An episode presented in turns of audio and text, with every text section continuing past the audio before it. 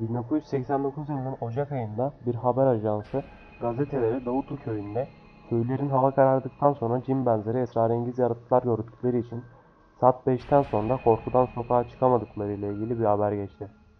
Haber tüm gazetelerde küçük puntolara önemsiz bir haber olarak yayınlandı. Aynı günden haber yeni okul mezunu genç gazetecinin dikkatini çekti ve olayı yerinde araştırmak için köye gitti. Köyde konuştuğu ve filme aldığı herkes bir takım yaratıklar gördüğünü iddia ediyor ve akşam 5'ten sonra kesinlikle sokağa çıkmıyorlardı. Herkese gönülden inanarak korkuyla anlattığı esrarengiz olaylar genç gazeteciyi köyde kalmaya teşvik etti. Tam 11 gün süreyle köyde kalan gazeteci olağanüstü hiçbir olaya rastlamayınca yanında getirdiği video kamerayı köydeki 14 yaşında bir çocuğa bırakarak köyden ayrılmaya karar verdi. Çocuk eğer köyde olağan dışı bir şey olursa kamerayla kaydedecek. Daha sonra da kasetleri gazeteciye verecekti. Genç gazeteci köyden dönüşünden 3 gün sonra gece yarısı sivil giyilimli 4 jandarma tarafından İstanbul'daki evinden köyde kayıt yaptığı kasetleriyle birlikte alındı. Ve köyün bir ilçesinde jandarma komutanlığına getirilerek bizzat bölgedeki jandarma komutanı kıdemli yüzbaşı tarafından sorgulandı. Bu sorgulama kamerayla kaydedildi. Sorgulamanın sebebi köyde 3 hanede video kamerayı bıraktığı çocuk da dahil olmak üzere toplam 7 köylü kısmen parçalanarak öldürülmüş. Evlerin birinin duvarına ise kan kullanılarak gazetecinin ismi Arapça alfabeyle yazılmıştı.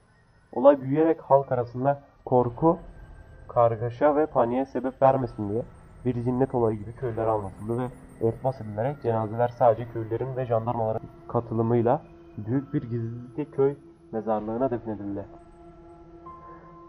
Köylülerin çoğu bu olaydan sonra köyü terk ettiler. Sorgulandıktan sonra serbest bırakılan gazetecinin üzerinden tüm giysiler, iç çamaşırları ve çorapları dahil, botları, çantası ve not defteri 3 Şubat 1989 Salı günü köyün arkasındaki ormanda terk edilmiş olarak bulundu. Gazetecinin ismi ise kayıplar listesinde kaldı. Yüzbaşı olaydan bir sene sonra 1990 yılında psikolojik bir rahatsızlıktan dolayı Modüler emekli olarak İstanbul'a yerleşti ve tedavi görmeye başladı. 2006 yılında ise henüz 59 yaşındayken girdiği bir bunalım sonucu kendisine ait tabancayla başına bir el ateş ederek intihar etti. Babasının ölümünden sonra yüzbaşının özel kasasını açan kızı, kasada 3 adet büyük zarf buldu.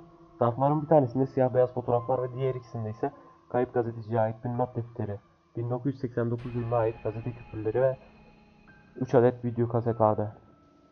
Kasetlerin üzerinde yazan tek şey Kara Dedeler olayı 1989'du.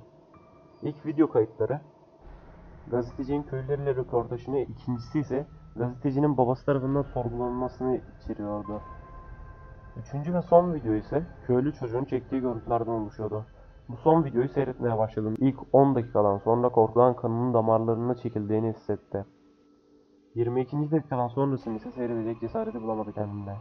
Kızın şok atlatması 2008 yılının ortalarına kadar sürdü ve bu arada mali sıkıntıya düşerek daha önce kimseye bahsetmediği kasetleri 2009 yılının Mart ayında satmak zorunda kaldı.